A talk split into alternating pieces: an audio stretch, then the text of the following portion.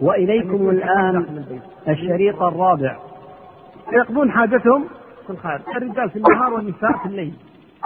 تخرج المرأة في الليل لتقضي حاجتها. حيث لا يراها أحد. تقول وكان عمر رضي الله عنه يقول لرسول احجب نساءك فلم يكن رسول الله يفعل. حتى وقعت هذه الحادثة أنها خرجت سودة أم المؤمنين سودة بنت جمعة زوج النبي ليلة من الليالي عشاء وكانت امرأة طويلة. فناداها عمر قد عرفناك يا سودة. تقول عائشة حرصا على أن ينزل الحجاب. قالت عائشة فأنزل الله آية الحجاب. وفي الحديث الثاني أن عمر قال قال لها يا سودة والله ما تخفين علينا. انظري كيف تخرجين. يعني عرفناك يا سودة. انظري كيف تخرجين. فرجعت إلى النبي وفي يده عرق يعني عظم فيه لحم. يأكل منه صلوات الله وسلامه عليه. فأخبرته بما قال عمر. فسكت النبي ثم أوحي إليه فقال قد أذن لكن أن تخرجن لحاجتكن فخروج المرأة إذا إذا كان لحاجتها هذا لا بأس به. ولكن كما قال أهل العلم تخرج بحيث لا تمتد إليها عين ناظر. لا تمتد إليها عين ناظر. لا كمثل حال غالب النساء الآن إذا خرجنا فإنهن تمتد إليهن عين الناظرين أو عين الناظرين. وإن إما برائحتها وإما بلباسها. المهم أن تلبس لباسا لا يلفت الانتباه. أن تكون كذلك لا تضع رائحة ولا غيرها. لا تلفت انتباه أحد لها. طيب نقف هنا. الله أعلى وأعلم. الله وسلم وبارك على نبينا محمد. باب جعل المرأة ذات المحرم من خلفه. عن أسماء بنت أبي بكر رضي الله عنهما قالت تزوجني الزبير وما له في الأرض من مال ولا مملوك ولا شيء غير فرسه. قالت أعلف فرسه وأكفيه مؤونته وأسوسه وأدق النوى لناضحه وأعلفه وأستقي الماء وأخرج غربه وأعجن ولم أكن أحسن ولم أكن أحسن أخبز. ولم ولم أكن أحسن أخبز. فكان يخبز لي جارات لي من الأنصار وكنا نسوة صدق قالت وكنت أنقل النوى من أرض الزبير التي أقطعه رسول الله صلى الله عليه وسلم على رأسي وهي على ثلثي فرس فرسخ وهي على ثلثي فرسخ قالت فجئت يوما النوى على رأسي. فلقيت رسول الله صلى الله عليه وسلم ومعه نفر من أصحابه فدعاني ثم قال إخ إخ ليحملني ليحملني ليحملني خلفه. قالت استحييت وعرفت غيرتك غيرتك. فقال والله لحملك النوى على رأسك أشد من ركوبك معه. قالت حتى أرسل إلي أبو بكر بعد ذلك بخادم فكفتني سياسة الفرس فكأنما أعتقتني. بسم الله الرحمن الرحيم. الحمد لله رب العالمين. وصلى الله وسلم وبارك على نبينا محمد وعلى آله. أما بعد. هذا الحديث الذي ذكره الإمام مسلم رحمه الله تعالى يبين لنا الحالة التي كان عليها العرب والحالة التي كان عليها أصحاب النبي صلى الله عليه وسلم في ذلك الوقت.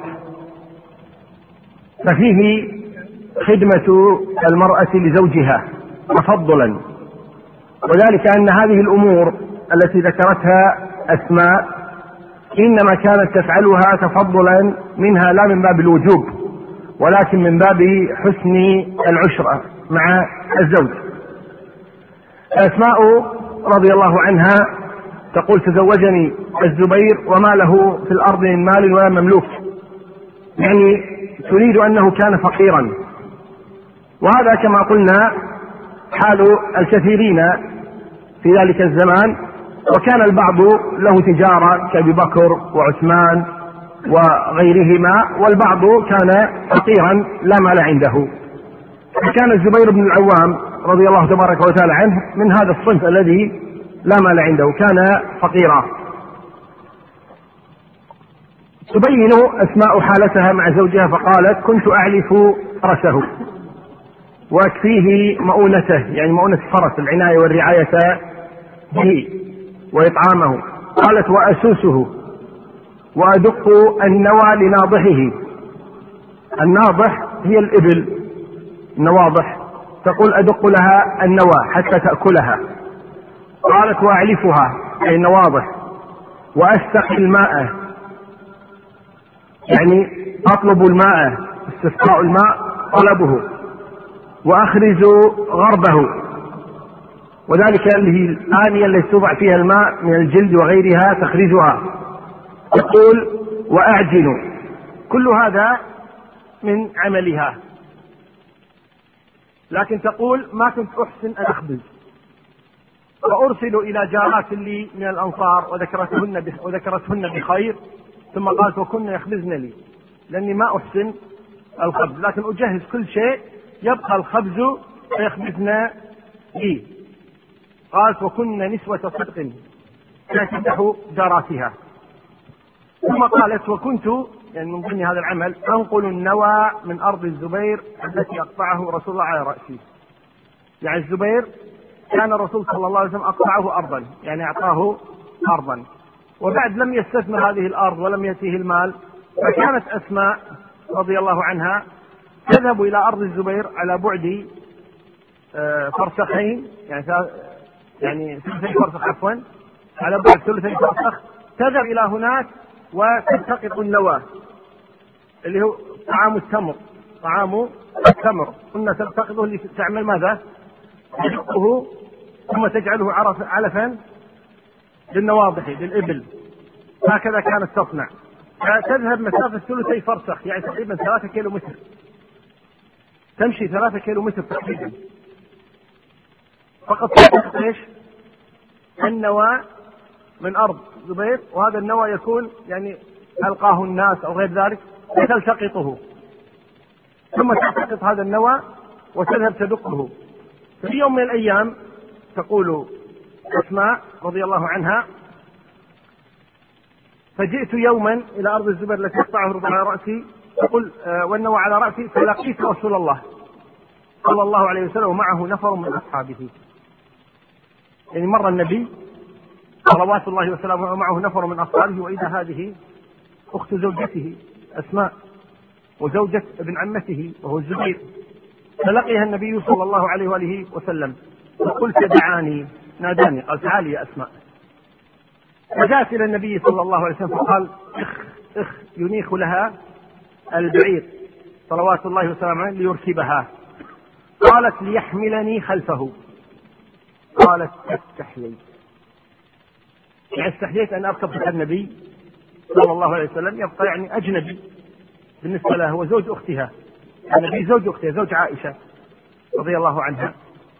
وأيضا ابن عمه زوجها. المهم تقول استحييت أن أركب خلف النبي صلى الله عليه وسلم هذا من ناحيتها. ثم زيادة على حيائها تقول تذكرت غيرتك تقول لمن؟ تقول للزبير زوجها. تقول تذكرت غيرتك أنك يعني صغار. يمكن لو رأيتني أركب خلف النبي صلى الله عليه وسلم وإن كان هذا الرسول صلوات الله وسلامه إلا إنه يعني قد تحزن وتضايق. احببت ان اضايقك مع أنها تحتاج إلى من؟ يوصلها. تحمل النوى على مسافة ثلاثة كيلو متر طيب؟ لا شك أنها تكون متعبة. لكن مع هذا امتنعت عن الركوب خلف النبي صلى الله عليه وآله وسلم. حدثت الزبير بما وقع قالت له حصل كيف وكيف فحزن الزبير يجي زوجته وقال والله لحملك النوى على رأسك أشد من ركوبك خلفه. يعني يقول لها يعني ابتذالك بخروجك من البيت وحمل النوى وتعبك هذا أشد عندي من ركوبك خلف النبي صلى الله عليه وسلم. يعني كنت أحب لو جلست في البيت لكن هذا الكلام يلطف به قلبها. لكن في حقيقة الأمر إذا جلست في البيت من سيأتيهم؟ بالطعام من سيأتي بالنوى من واضح له إذا سيتعب هو زيادة. وهذا كما قلنا هذه العلاقة الطيبة كانت بين الزوجين يعني هو صحيح لن يساعدها في هذا ولكن يبين لها إنه متعاطف معها ويقول لها تعبك هذا يعني مزعج لي ولكن ما باليد حيلة. وهنا في ركوبها خلف النبي صلى الله عليه وآله وسلم ذكر أهل العلم ثلاثة أقوال. هنا كيف تركب خلف النبي؟ يعني النبي في النهاية صلوات الله أجنبي بالنسبة لها فكيف تركب خلفه وهل يجوز لرجل الآن أن يركب أخت زوجته خلفه على دابته إن يعني في الدابة قد تكون طريقة تكون ملاصقة له فهنا يقول هل كانت فعلا ستركب خلف النبي صلى الله عليه وسلم؟ طيب وما حكم هذا الركوب؟ وهل يجوز هذا أيضا بغير النبي صلوات الله وسلامه عليه؟ لأهل العلم ثلاثة أقوال. القول الأول أن هذا خاص بالنبي. أن هذا خاص بالنبي صلى الله عليه وآله وسلم والنبي له خصوصيات. وهو كما قال الله تبارك وتعالى النبي أولى بالمؤمنين من أنفسهم وأزواجه أمهاتهم وجاء في قراءة لمسعود وهو أب لهم وهو أب لهم قالوا فهذه خصوصية للنبي صلى الله عليه وسلم كما دخل على زينب بدون عقد وبدون شهود عقد عليه صلى الله عليه. وسلم عليه طيب وكذلك صلى الله عليه وسلم تزوج أكثر من امرأة أكثر من أربع. كذلك هذه خصوصية للنبي صلى الله عليه وسلم وجاءت امرأة ووهبت نفسها للنبي. ولا يجوز لأحد غير النبي أن توهب له امرأة وأن يقبل. طيب فقالوا هذه من ضمن الخصوصيات هذه تكون من ضمن الخصوصيات التي للنبي خاصة طيب غير النبي إذن لا يجوز. إذا هذا خاص بالنبي. لو كان غير النبي صلى الله عليه وآله وسلم ما كان يجوز له أن يركبها خلفه. واضحة الإجابة الأولى؟ واضحة؟ مقبولة؟ هذه الإجابة الأولى. الإجابة الثانية الإجابة الثانية قالوا نعم هذا للنبي وهو ليس خاصا بالنبي صلى الله عليه وسلم وهو يجوز لغير النبي إذا كان هناك يعني شيء من الأمان. إذا كان هناك شيء من الأمان ما في مانع أن تركب معه. إذا كان هو عرف بكرم أخلاقه وهي عرفت بعفتها ولم يكونا وحدهما لأن كان هناك إيش؟ في نفر. جاء النبي إيش؟ في نفر. صلى الله وسلم وإذا كانت مثل هذه الحالة وهي بعيدة عن بيتها ولا سبيل إلا إلى ذلك فلا مانع. فتكون هذه للضرورة أو الحاجة. فيكون هذا للضرورة أو الحاجة. إذا عدوه من النبي إلى غيره بشرط أن يكون عرف إيش؟ بكريم الأخلاق وعرفت المرأة كذلك بالعفة والشرف. الثالث قالوا ليس في الحديث نص أن النبي كان سيركبها خلفه هي فهمت ذلك. هي فهمت أنه ليحملها خلفه لكن ما يدري. لعله لو عزمت كان النبي يركبها وهو يمشي. ما كان يركب معها. لكنها هي إيش؟ امتنعت. فكون النبي صلى الله عليه وسلم طلب منها أن تركب ليس فيه أنها ستركب خلفه وسيبقى النبي راكبا صلوات الله وسلامه. بل كان يحتمل أنها إذا عزمت على الركوب أن النبي صلى الله عليه وسلم يجعلها وحدها وينزل مشيا على قدميه. اذا هذه كم؟ ثلاثة أقوال؟ أعد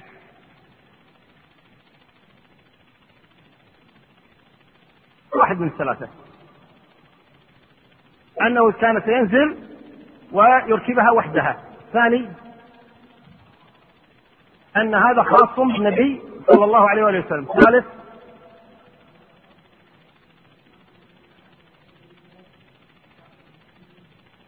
مو خاص.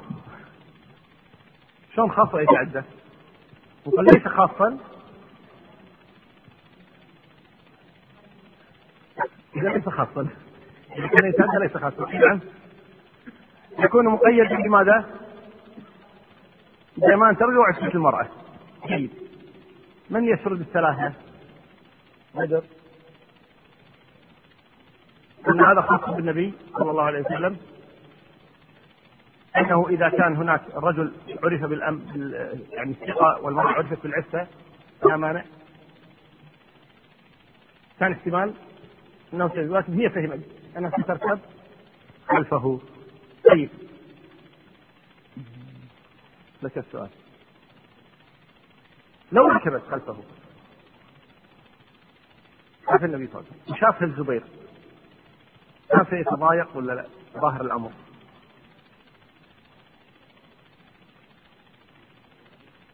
أي نعم. حتى لو كان رسول ممكن يغار. أي نعم. ولذلك النبي صلى الله عليه وسلم احتاط لهذا أو هي احتاطت؟ هي التي احتاطت. طيب النبي صلى الله عليه وسلم مع عمر ماذا قال؟ لم أدخل القصر مع أنه إيش؟ لحورية في الجنة ولا لا؟ قال تذكرت غيرتك صحيح؟ فاحتاط لغيرة عمر طيب هنا النبي لم يحتط لغيرة الزبير كما احتاط لغيرة عمر ولا لا عبد الرحمن؟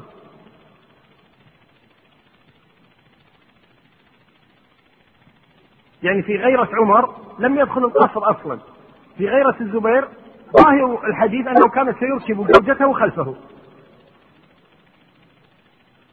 لعله رأى النبي صلى الله عليه وسلم أن هذا الأمر زين ما يحتاج إلى أن يغار لأن كما قلنا تذكرون بالأمس قلنا كان في السابق قبل نزول آيات الحجاب كان الرجال والنساء يجلسون معا ممكن يأكلون معا وكانوا يتوضؤون معا. طيب؟ فما كانوا يرون أن هذا فيه شيء من الحرج لكرم أخلاقهم وعفة نسائهم. لكرم أخلاقهم وعفة نسائهم فكانوا لا يرون بذلك يعني شيئا كثيرا من الحرج. طيب. تقول أسماء حتى أرسل إلي أبو بكر بعد ذلك بخادم فكفتني سياسة الفرس.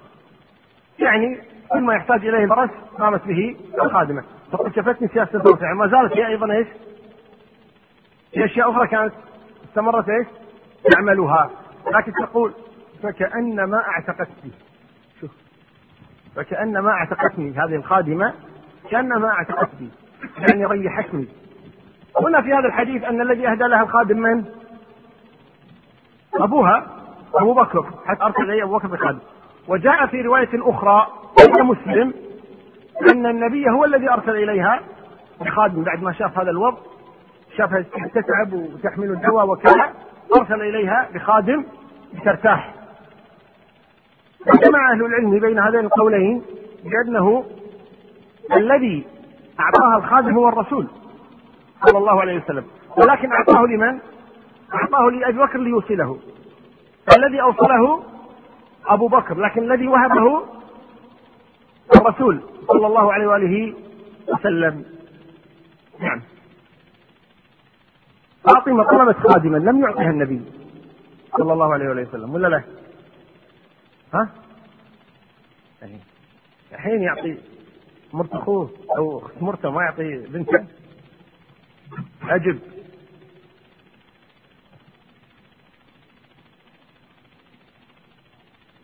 ليش ما قال حق أسماء هالكلام؟ ليش ما قال حق أسماء هالكلام؟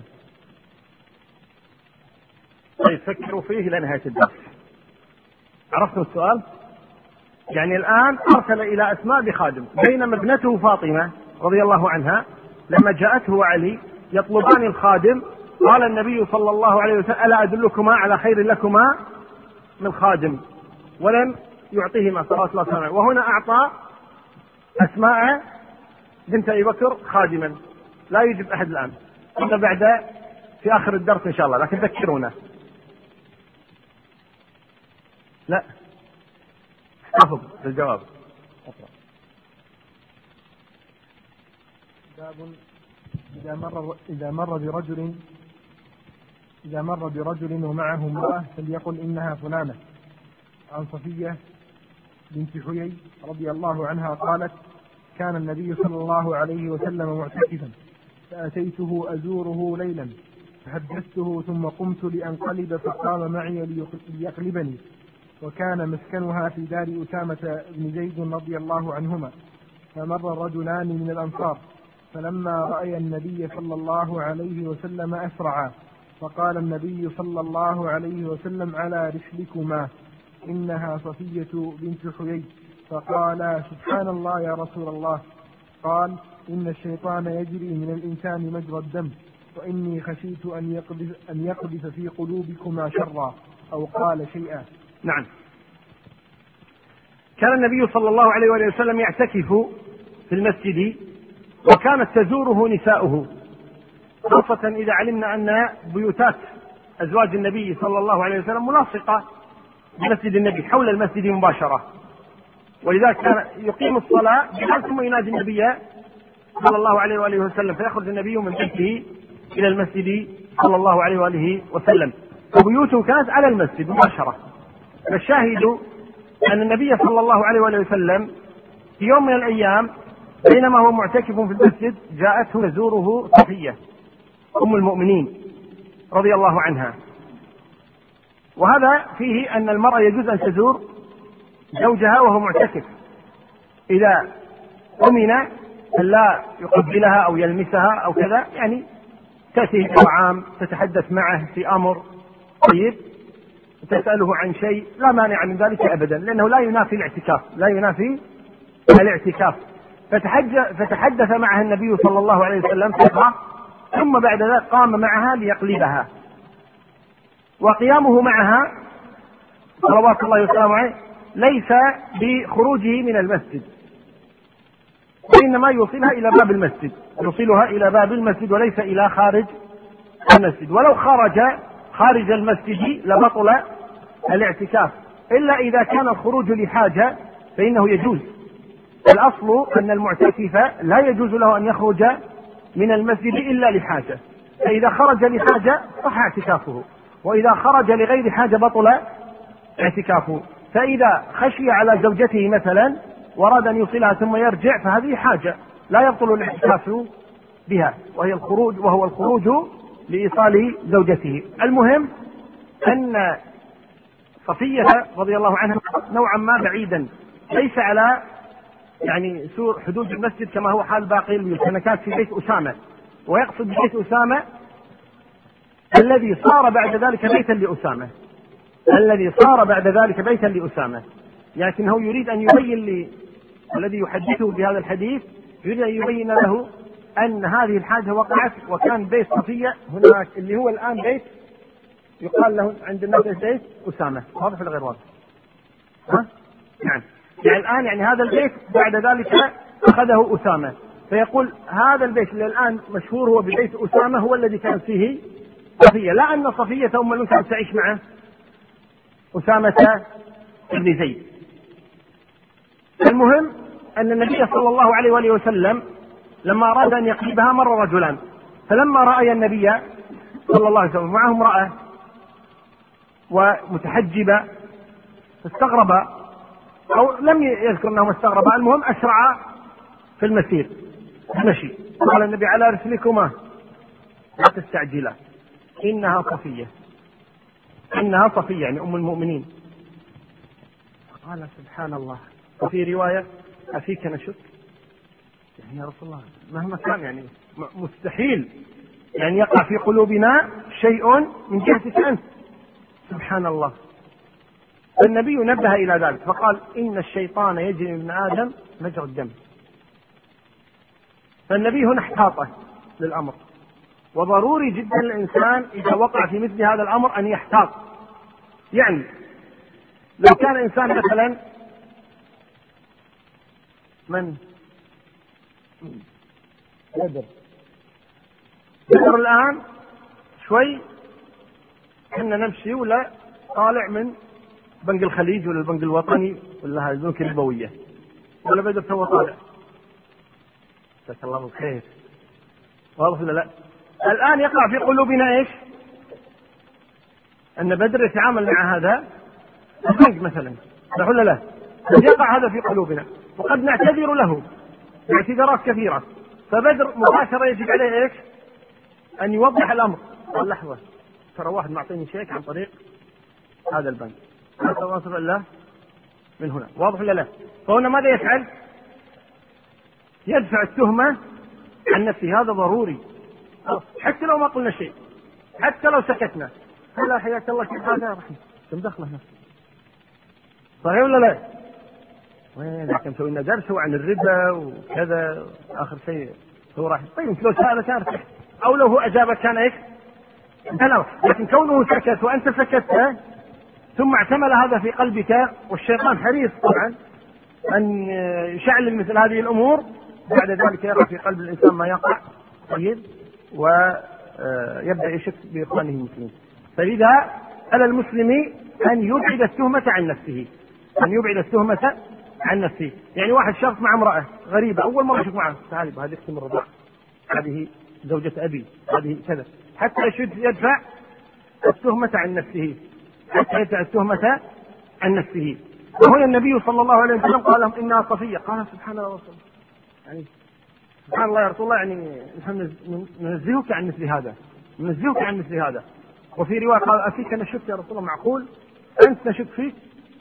قال أنتم الآن ما تشكوا فيه لكن لو واحد فيكم جاي ينام جاء الشيطان. من هذه اللي كانت يمكن واحدة من زوجاته طيب يمكن مو واحدة من زوجاته واضح ولا لا؟ فيك الشيطان يعمل مثال النبي أنهى الأمر. صلى الله عليه وسلم. قال إنها صفية. صلوات الله وسلامه فاذا الإنسان يدفع التهمه عن نفسه إن استطاع ذلك. قال إن الشيطان يجري من الإنسان مجرى الدم. هنا بعض أهل العلم قال يجري من الشيطان مجرى الدم أي إنه يوسوس للشيطان يوسوس للإنسان وسوسة شديدة كثيرة لا ينتبه إليها الإنسان كما أن الدم يسير في جسدك وأنت لا تنتبه إليه. قال آخرون لا يدخل حقيقة في جسم الإنسان أن الشيطان يدخل حقيقة في جسم الإنسان كما قال النبي صل... كما قال الله تبارك وتعالى الذين يأكلون الربا لا يقومون إلا كما يقوم الذي يتخبطه الشيطان من الناس.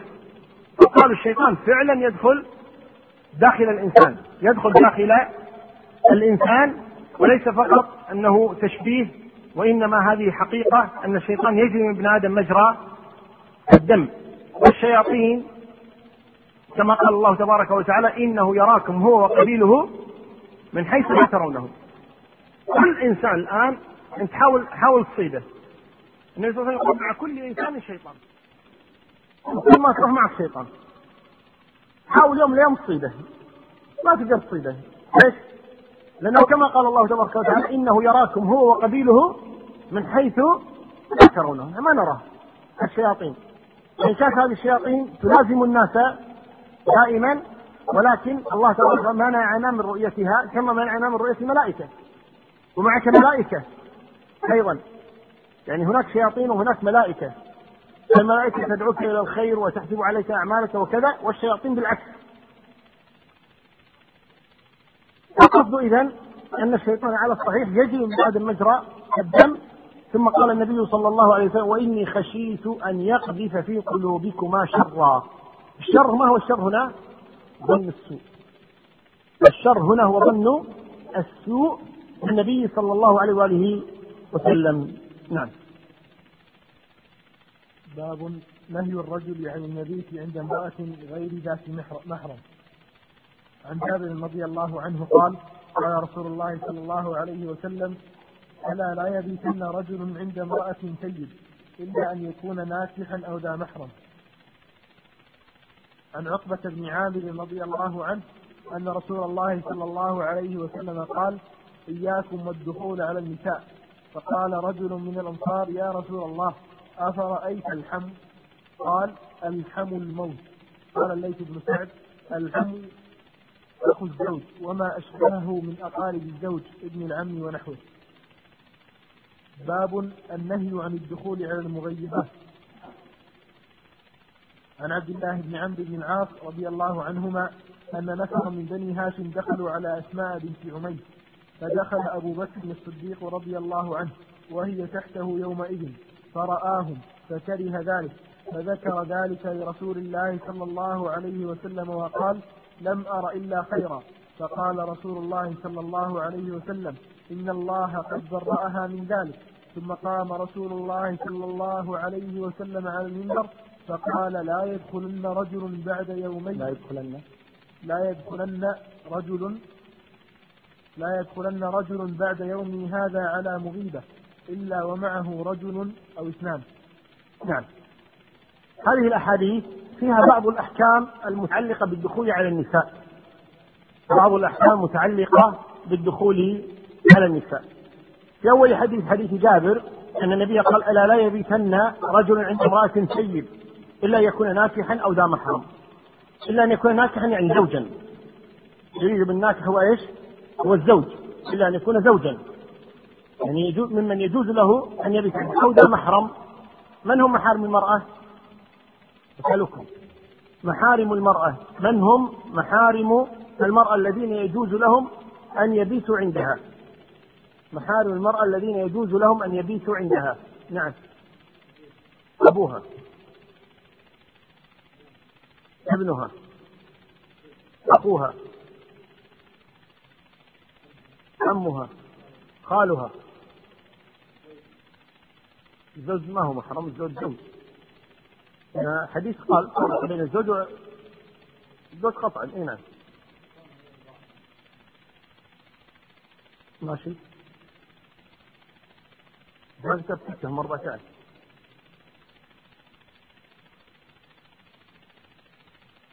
ساعات ولا ساعات؟ ثمان ساعات بس زين من يعد المحارم؟ من يعد المحارم الذين يجوز لهم أن يبيتوا عند المرأة؟ يلا. لا لا تقول لنفسهم عد من جديد.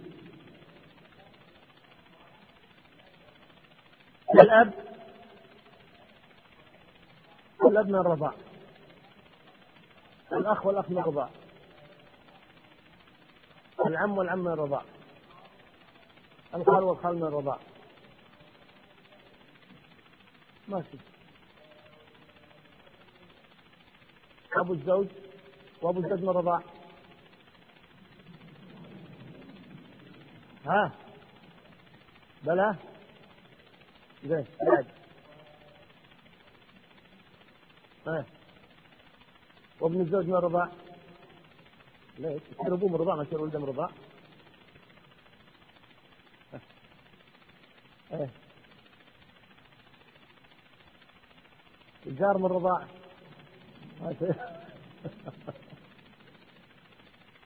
الواحد يريحنا. واحد يذكرهم كلهم يريحنا شوي. يلا يلا الأم. الأخت. طبعا هو يقلبهم ذكور ها؟ نريد المحارم للمرأة. إيه. يلا. بدل الأم شو يصير؟ الأب. إيه. الأخ. الابن. الخل العم. ابن الأخ. وابن الأخت كم واحد ذولي؟ سبعة. طيب.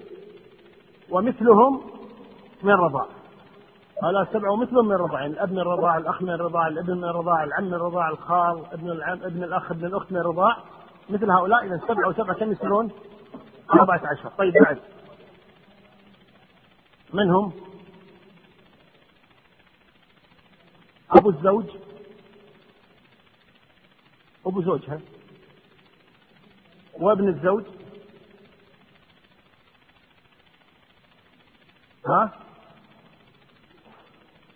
زوج البنت وزوج الأم وزوج البنت وزوج الأم. إذا هؤلاء هؤلاء هم المحارم هؤلاء هم المحارم. إذا نعيدهم. الأب الابن الأخ العم الخال ابن الأخ ابن الأخت. ومثلهم من الرضاع ومثلهم من الرضاع. ثم زوج الأم زوج البنت. يعني زوج أمها محرم لها. زوج بنتها محرم لها. أبو زوجها محرم لها. ابن زوجها محرم لها. واضح ولا واضح؟ نعم. واختلف في هؤلاء الأربعة ما يقابلهم من الرضاع. يعني أبو الزوج من الرضاع وعلى صحيح أنه لا يدخلون. لا يدخلون هؤلاء. وإن كانوا لا يتزوجونها لكن أيضا يحرم محارمها. فالقصد إذا أن هؤلاء هم المحارم. هؤلاء هم المحارم وعندما نقول هؤلاء لما نقول الأب الأب وإن علا. يعني الأب والجد. واضح ولا لا؟ صاعد. الابن وإن نزل الابن ابن الابن. العم وإن علا. العم عم الأب عم الأم. الخال خاله مباشر خال أبيه خال أمه. واضح ولا لا؟ ابن الأخ ابن أخ الأخ ابن ابن الأخ وهكذا. ينزل وهو نازل هكذا. القصد إذا وأبو الزوج جد الزوج. ابن الزوج ابن ابن الزوج وهكذا. إذا هؤلاء وإن علوا وإن نزلوا. هؤلاء وإن علوا وإن نزلوا هؤلاء هم المحارم. هؤلاء هم المحارم. يقول النبي صلى الله عليه وآله وسلم ألا لا يبيتن رجل عند امرأة سيب إلا أن يكون ناكحا أو ذا محرم يعني إلا أن يكون زوجا أو أحد هؤلاء الأربعة عشر الذين ذكرناهم. سيد من هي السيد؟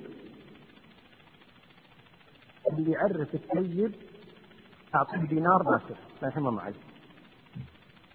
اللي يعرف لنا السيد أعطيه دينار بكرة لا يهمه معي. وبكرة فيكم فايدة بكرة ما راح أجي يلا. نعم. السيد المتزوج. خطأ. ثلاثة راح يجاوبون ما نضيع الوقت عشان آمن على الدينار بعد. طيب ثلاثة راح يجاوبون إذا ما عرفوا خلاص سلمنا نجي واحد ما يعرف تفضل. هي التي مات زوجها أو طلقها. غلط. حد الآن 750 ما منها. يعقوب يلا.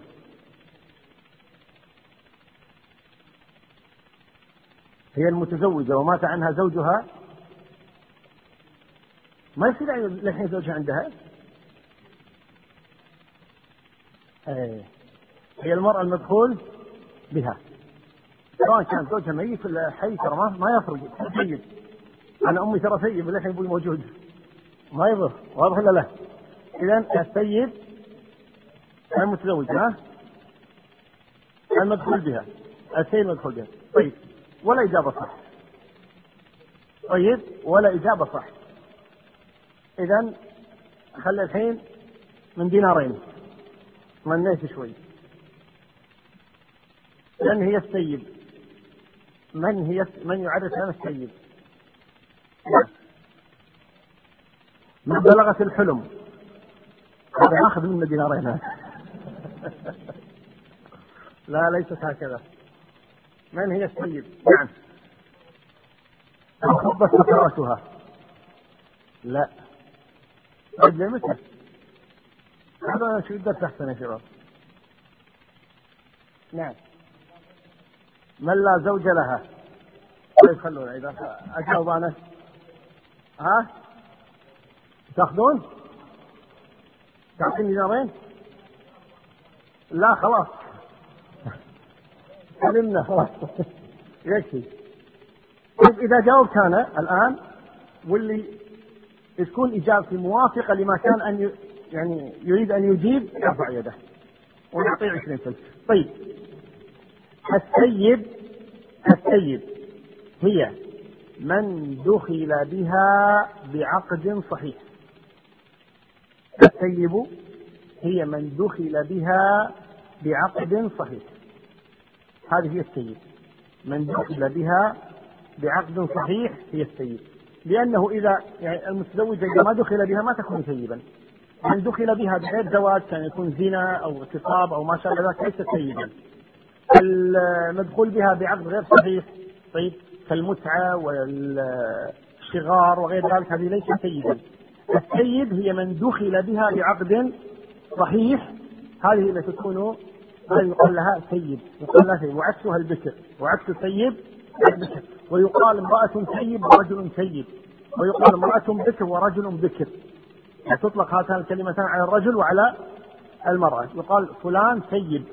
وفلانة سيد فلان بكر وفلانة بكر.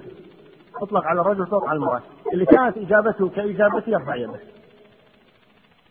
أسألنا وسألناهم علمنا طيب. إذا هنا حديث النبي صلى الله عليه وسلم ألا لا يبيتن رجل عند امرأة سيد هل يفهم من هذا أنه يجوز له أن يبيت عند امرأة بكر؟ ولا نقول بكر من باب أولى؟ البكر يمنع من باب أولى. طيب لماذا ذكر السيد إذا قال لأن السيد هو الذي يحدث عادة أن الناس يتساهلون في الدخول عليه وهي تتساهل في الجلوس مع الرجال لأنها أقل حياء من البكر. ولا البكر تكون إيش؟ مصونة محفوظة. وإذا كان يسمون الأبكار يسمون إيش؟ المخدرات. وما المخدرات؟ المخفيات. المخفيات. ولذلك قال كأنه جلد مخبأة. واضح ولا لا؟ والنبي يقول ذوات الخدر. من ذوات الخدر؟ من الأبكار. المخبأة هي المخدرة هي البكر المصونة البكر دائما مصونة ما تطلع. ما تخرج من البيت إلا نادرا. هذا أول. طيب؟ فالشاهد أنه ذكر السيد دون البكر لأن السيد يتساهل الناس بالدخول عليها ولذلك نهى النبي عن ذلك صلوات الله وسلامه والحديث الثالث يبين لنا ذلك. وفي الثاني قال النبي صلى الله عليه وسلم إياكم والدخول على النساء. قال رجل أرأيت الحمو؟ قال الحمو الموت هذا أشد. الحمو الموت والحمو هو قريب الزوج. كان أخا له أو كان قريب الزوج وليس من محارم المرأة. ليس ابنه وليس أبا له وليس يعني غير محارم يعني أخو الزوج ابن عم الزوج ابن خال الزوج ابن أخت الزوج ابن أخ الزوج. هذا هو الحمو قريب الزوج قريب الزوج. لماذا صار الموت؟ لأن المرأة تنبسط معه أكثر من غيره بحكم أن أخو زوجها. وحدثني أحدهم. يعني شوف تفاهم في هذا الأمر. اتصل بأحد الناس وقال هل يجوز لي أن أصافح زوجة أخي؟ قلت له من زوجة أخيك. يمكن زوجة أخوك تصير ولا لا؟ ولا صعبة؟ يعني هذا أخوه من أبوه يختم من أمه يصير؟ ولا صعبة؟ يصير هذا أخوي من أبوي وهذا يختم من أمي ولا لا؟ يعني هو ما يصير أم أمي من هي أمه وأبوه ما هو أبوها المهم أنه قلت له أنا شو تصير لك مرت أخوك؟ قال ما تصير لي شيء. ما يجوز. قام صدق. والله ما يجوز تصافحها؟ قلت لي ما يجوز تصافحها. قال أنا اقبلها. اي والله. قال أنا اقبلها قلت نعم. قال اقبلها مثل أختي. مرت أخوي مثل أختي. هذا عاملها كاختي تماما انها أختي هي أختي قال لا بيتنا مثل اخته وذاك إذا سافرت رجعت اقبلها مثل ما قبل أختي الخميس أصلا هي تروح تنام عند أهلها. أختي تجي تزورنا. يقول أختي تقبلها ولا راح أقبلها ومرت أخوي لا تقبلها عادي مثل أختي تماما. قلت كم بينكم من أختي؟ قال هي أكبر مني بسنة واحدة. قلت اتق الله ما يجوز. كيف؟ قال والله أنا سمعت ما يجوز. امتنعت عن تقبيلها. ما يجوز اقبلك انت هذا الشيء. لازم تقبلها يقول يعني بدون ما أتكلم. صرت نفس الطرف يقول أمي زعلت علي وتزعل علي. بينك وبين مرت أخوك. قال والله ما بيني وبينها شيء. قال ما نشوفك تحبها. يا جماعة مو أختي هذه ولا مرتي مرت أخوي ما نشغل فيها. قال لا هذه أختك مثل أختك تماما. هذا لا لذلك الناس تتساهل في موضوع إيش؟ موضوع الحمو الجلوس ولذلك حتى نسمع من بعض الناس انها تكون مرتبه مثلا كذا كذا لكن قدام اخو زوجها تنزع النقاب. بحجة ماذا؟ والله هذا اخو زوجي بعد غير يعني. اخو زوجك ما هو محرم. لذا قال النبي صلى الله عليه وسلم قال الحم الموت. لماذا؟ لأن هذا عادة إيش؟ لا يتحرج منه كما يتحرج إلى الناس. ويدخل البيت بدون شبهة. خاصة إذا عائشة ما حملتها بدون شبهة. ولذلك النبي حذر من هذا أشد من غيره. قال حمو الموت. هذا الموت لأن ما حد يدري عنه ولا حد ينتبه له ولا حد يخاف منه ولا حد كذا. وتتساهل المرأة معه ممكن تضحك معه ممكن كذا. والشيطان يعتمل في قلبه والعياذ بالله.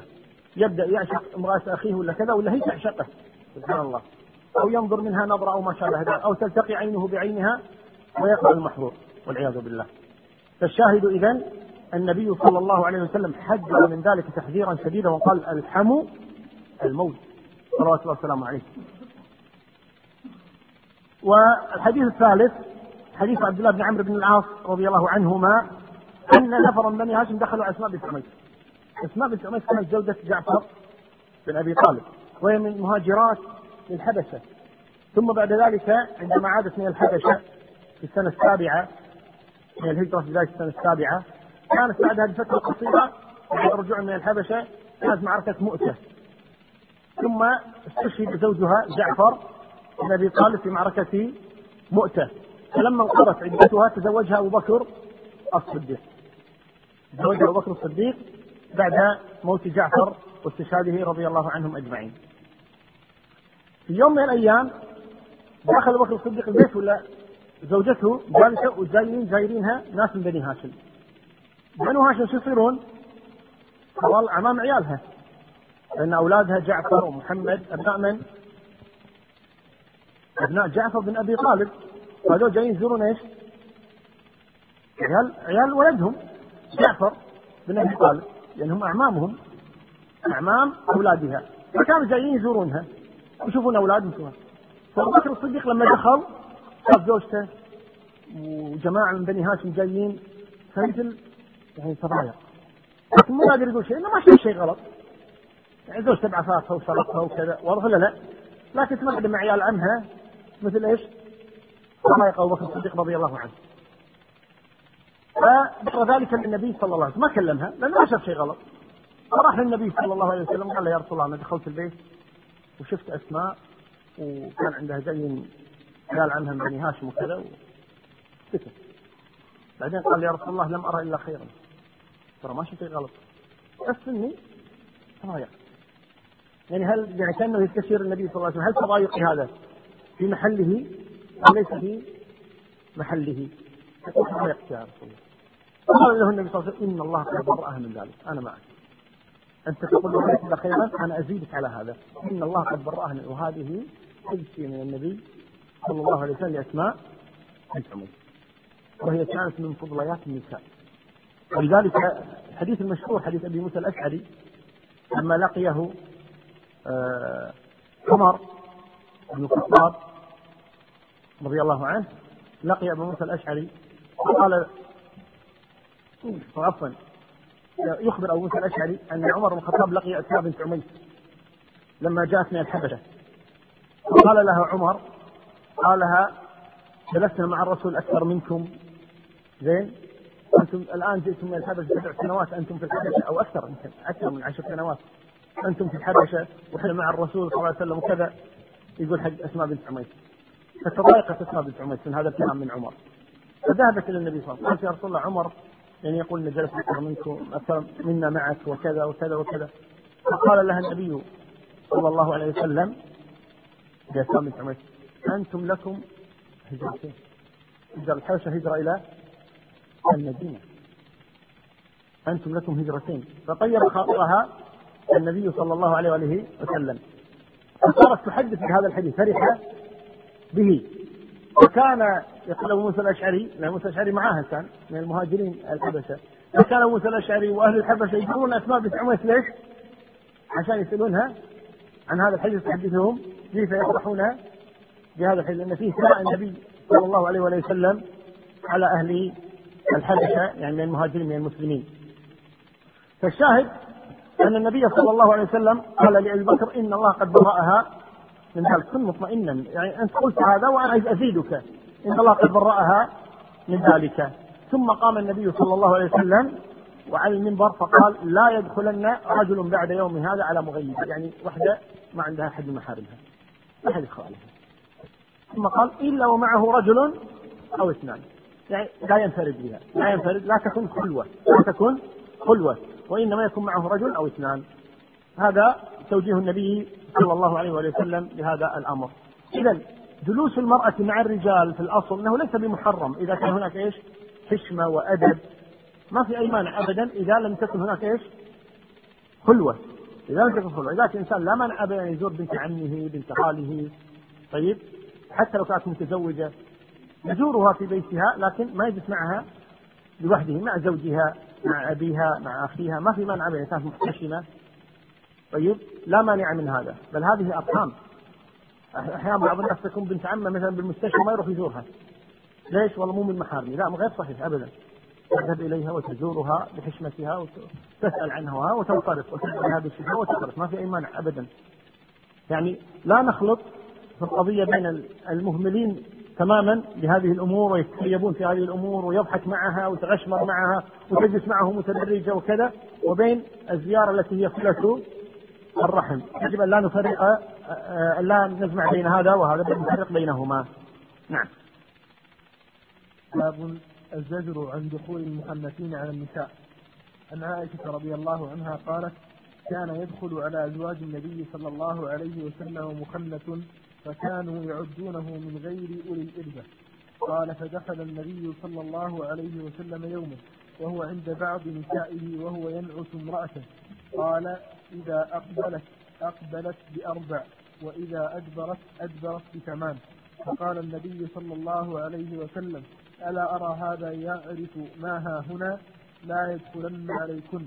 قالت فحجبوه المخنث نوعان. هناك مخنث خلقة وهناك مخنث تصنع المخنث خلقة هو الإنسان الذي يعني فيه صفات الذكورة وصفات الأنوثة. هذا مخنث خلقة. مخنث خلقة. فيه صفات ذكورة وفيه صفات أنوثة. وهذا في الغالب ليس له إربة في النساء. ما يميل إلى النساء. لأنه ليس رجلا مئة بالمئة. كما أنه ليس امرأة مئة بالمئة. والمخنث أحيانا يكون يعني مخنث مخنثا مشكل مشكلا. وأحيانا يكون مخنث غير مشكل. مخنث غير مشكل.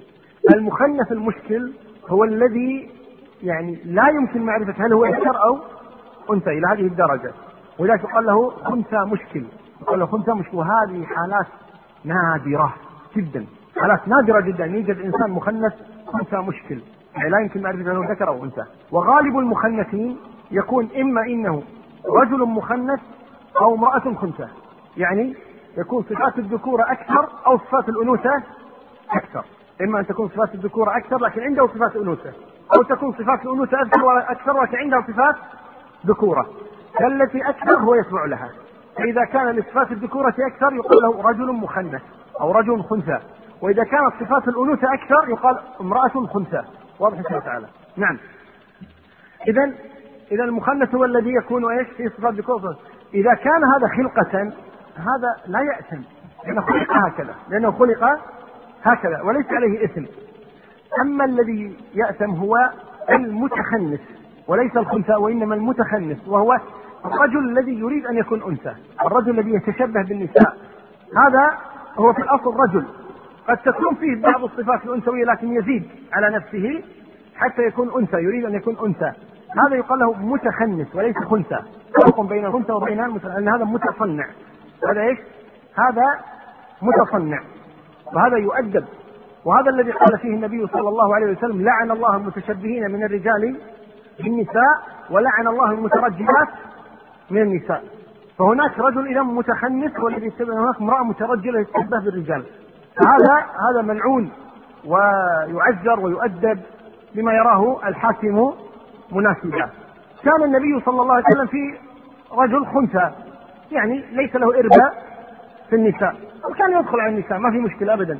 في يوم من الأيام بلغ النبي صلى الله عليه وسلم هذا الرجل قال عن امرأة إذا أقبلت أقبلت بأربع وإذا أدبرت أدبرت بثمان. وفي رواية أنه جاء يصف امرأة يصف محاسنها وكذا فقال النبي صلى الله عليه وسلم هذا في دام إنه يصف وكذا معناته قاعد يطالع وقاعد يركز.